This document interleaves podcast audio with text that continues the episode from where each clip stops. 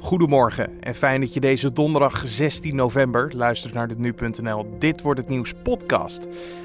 Mijn naam is Carne van der Brink en ik zal je in een klein kwartier bijpraten over het nieuws van nu, de zaken die verder deze dag te gebeuren staan en we hebben een mediaoverzicht voor je vandaag. Zometeen aandacht voor de Clowns. Ze bestaan 25 jaar. En de situatie in Zimbabwe. Maar eerst het belangrijkste nieuws van dit moment. Schilderij Salvator Mundi van Leonardo da Vinci is woensdag bij Christie's in New York verkocht voor 400 miljoen dollar. Dat is 340 miljoen euro omgerekend.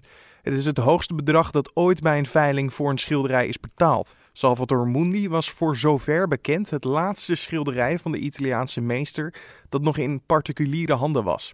Linkin Park heeft aangekondigd een nieuw live album uit te brengen van hun laatste tournee met Chester Bennington.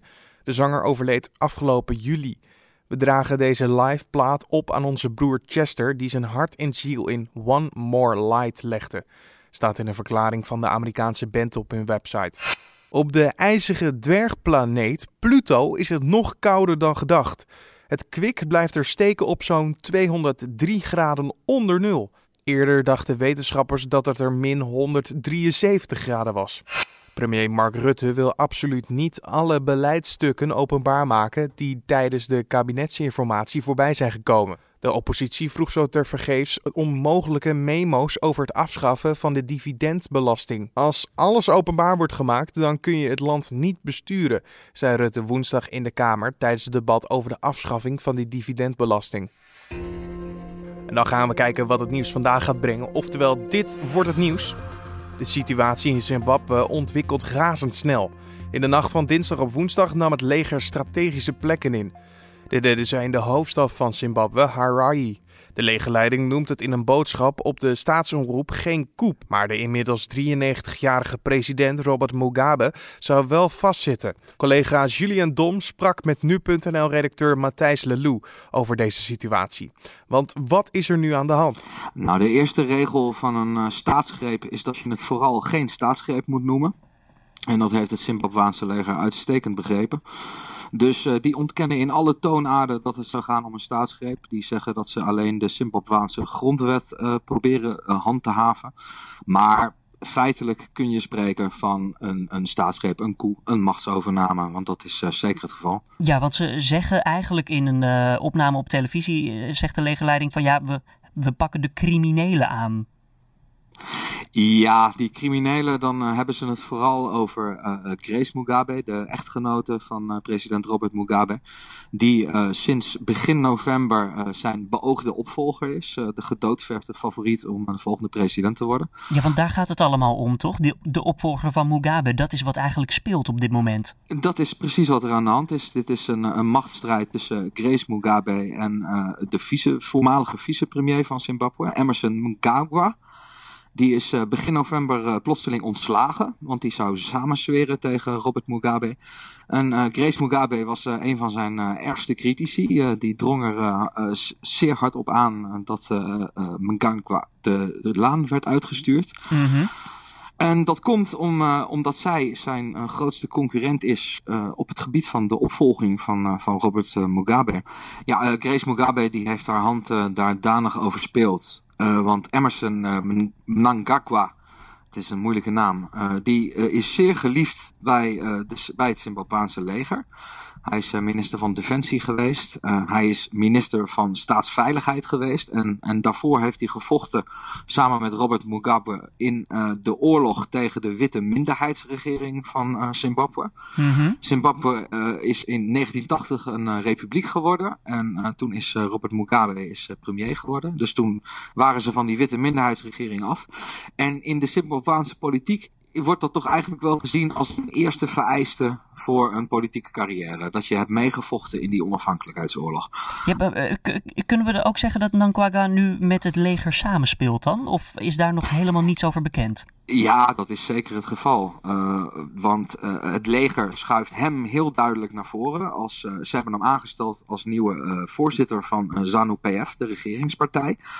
En zij hebben hem heel duidelijk naar voren geschoven. En uh, de hoogste uh, legercommandant van Zimbabwe is ook een, uh, een vertrouweling van uh, deze voormalige vicepremier. Dus, dus hier wordt zeker, uh, die hebben zeker zinvol met elkaar te maken. Ja, en wat je al zei van Grace, die staat nu eigenlijk enigszins buitenspel. Hoe ziet de toekomst er dan nu uit uh, op korte termijn voor Zimbabwe? Nou, waarschijnlijk zijn er twee scenario's. En, en, en het is vooral interessant wat er precies met Grace Mugabe, de grote vijand van de koeplegers, gaat gebeuren. Mm -hmm. Robert Mugabe ja, dat, is toch, dat blijft toch een belangrijk symbool. Die man die heeft uh, jaren, die heeft meer dan uh, drie decennia, meer dan 36 jaar is hij daar al aan de macht. Um, hij is de man die Zimbabwe eigenlijk naar de onafhankelijkheid heeft geleid. Dus het zou heel goed kunnen dat het leger nu uh, in gesprek gaat met uh, de, de factie van uh, Emerson Mnangagwa binnen de ZANU-PF. Mm -hmm. Dat ze gaan kijken of Robert Mugabe misschien toch nog even aan kan blijven. Die man die is 93. Dus hè, het is, er gaan geruchten dat zijn gezondheid niet al te sterk is. Dus het is überhaupt de vraag hoe lang hij nog meeloopt. Ja. Nou, het eerste scenario is dus dat ze hem laten zitten als president, maar dat hij dat dan in naam alleen is en dat het leger achter de schermen alles bestiert. Mooi weer naar buiten. Precies. En het tweede scenario is dat toch dat ze hem zullen dwingen om af te treden. En dat er dan ja, verkiezingen worden uitgeschreven. Of dat uh, Emerson Mnangagwa gewoon sec naar voren wordt geschoven als nieuwe president. Dat uh, is maar net even afwachten. Maar dat zijn eigenlijk de twee mogelijkheden. En over wat voor termijn praten we dan? Hebben we het dan over weken, maanden? Of... Nou, er zal toch op vrij korte termijn duidelijk moeten worden hoe het nu uh, verder moet in Zimbabwe. Want zo'n staatsgreep brengt natuurlijk een hoop onrustig, onrust met zich mee en onzekerheid. Dus ik, ik verwacht dat ze toch wel nou, binnen een week zullen moeten gaan aangeven in grote lijnen wat ze willen gaan doen. Je hoorde Matthijs Lelou. Voor de laatste ontwikkelingen in Zimbabwe kan je de hele dag uiteraard nu.nl volgen. De Clinic Clowns bestaan 25 jaar, een zilveren jubileum. In al die jaren hebben de clowns ervoor gezorgd dat ze bijna bij 1,2 miljoen kinderen een glimlach tevoorschijn hebben kunnen halen. En ook ervoor kunnen zorgen dat ze weggenomen werden uit de realiteit. Ziekenhuiskamers werden aquaria en bedden werden racewagens. Alles is mogelijk met de Clinic Clowns. Om dit 25-jarig bestaan te vieren, wordt het Museum der Verbeelding even in het licht gezet. De plek waar eigenlijk alles gebeurt wat de Clinic Clowns tot Clinic Clowns maken.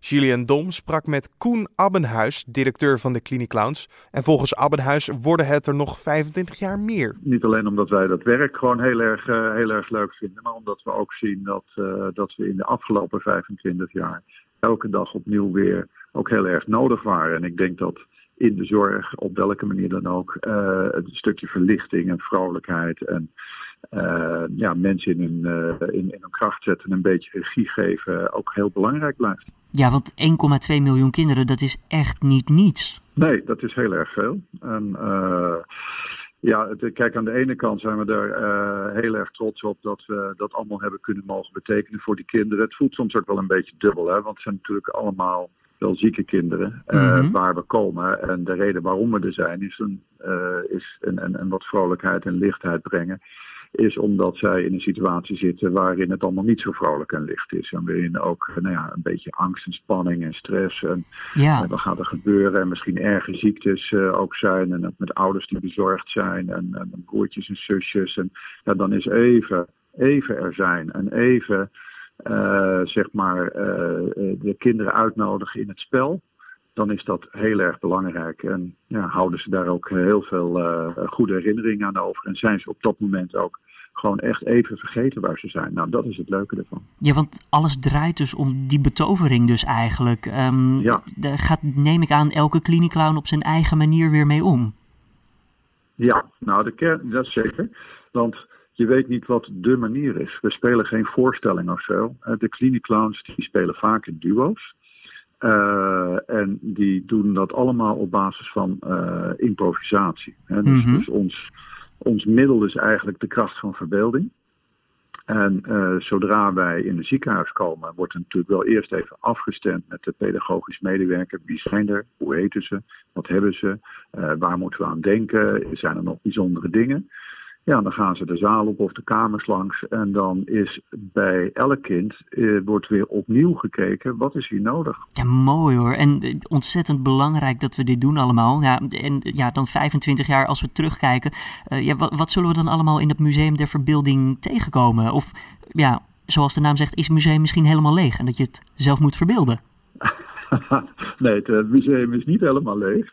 Uh, gelukkig maar. Maar het is uh, wel nou, onze manier om ook de mensen die ons al die tijd gesteund hebben, de gelegenheid te geven om zelf ook die kracht van de verbeelding te ervaren. En kan, kan je een voorbeeld geven? aan het begin van het museum is er een uh, een, een, situatie creëert die, die gebaseerd is op waar gebeurde verhalen. Want alles wat er in dat museum gebeurt is allemaal gebaseerd op waar gebeurde verhalen. Mhm. Waarin uh, uh, bijvoorbeeld ooit eens een keer een kamer was een beetje een blauwe gloed, waren ramen. Dat leek wel een aquarium, dat leek wel een zwembad. De clowns hebben dat toen ook tot een zwembad omgetoverd, hebben de de, de, de, kinderen en de ouders en de artsen uitgenodigd om mee te gaan zwemmen. Oké. Nou, Alleen maar om uh, zo binnen te komen en op die manier uh, je museum in te gaan, dat zet al iets in beweging in, uh, in je bovenkamer. En je dan vervolgens te laten verleiden door alle opstellingen, door workshops, door, door beelden die je ziet, door te praten met de clowns, die, ja, Ja. sommigen met de neus op, maar sommigen ook met de neus af, zodat je kan zeggen, hoe doe je dat nou? Ja, want het is ontzettend moeilijk, want je moet humor hebben, je verbeelding gebruiken, ook nog eens sociaal zijn. Ja, dat, dat zijn best wat eisen.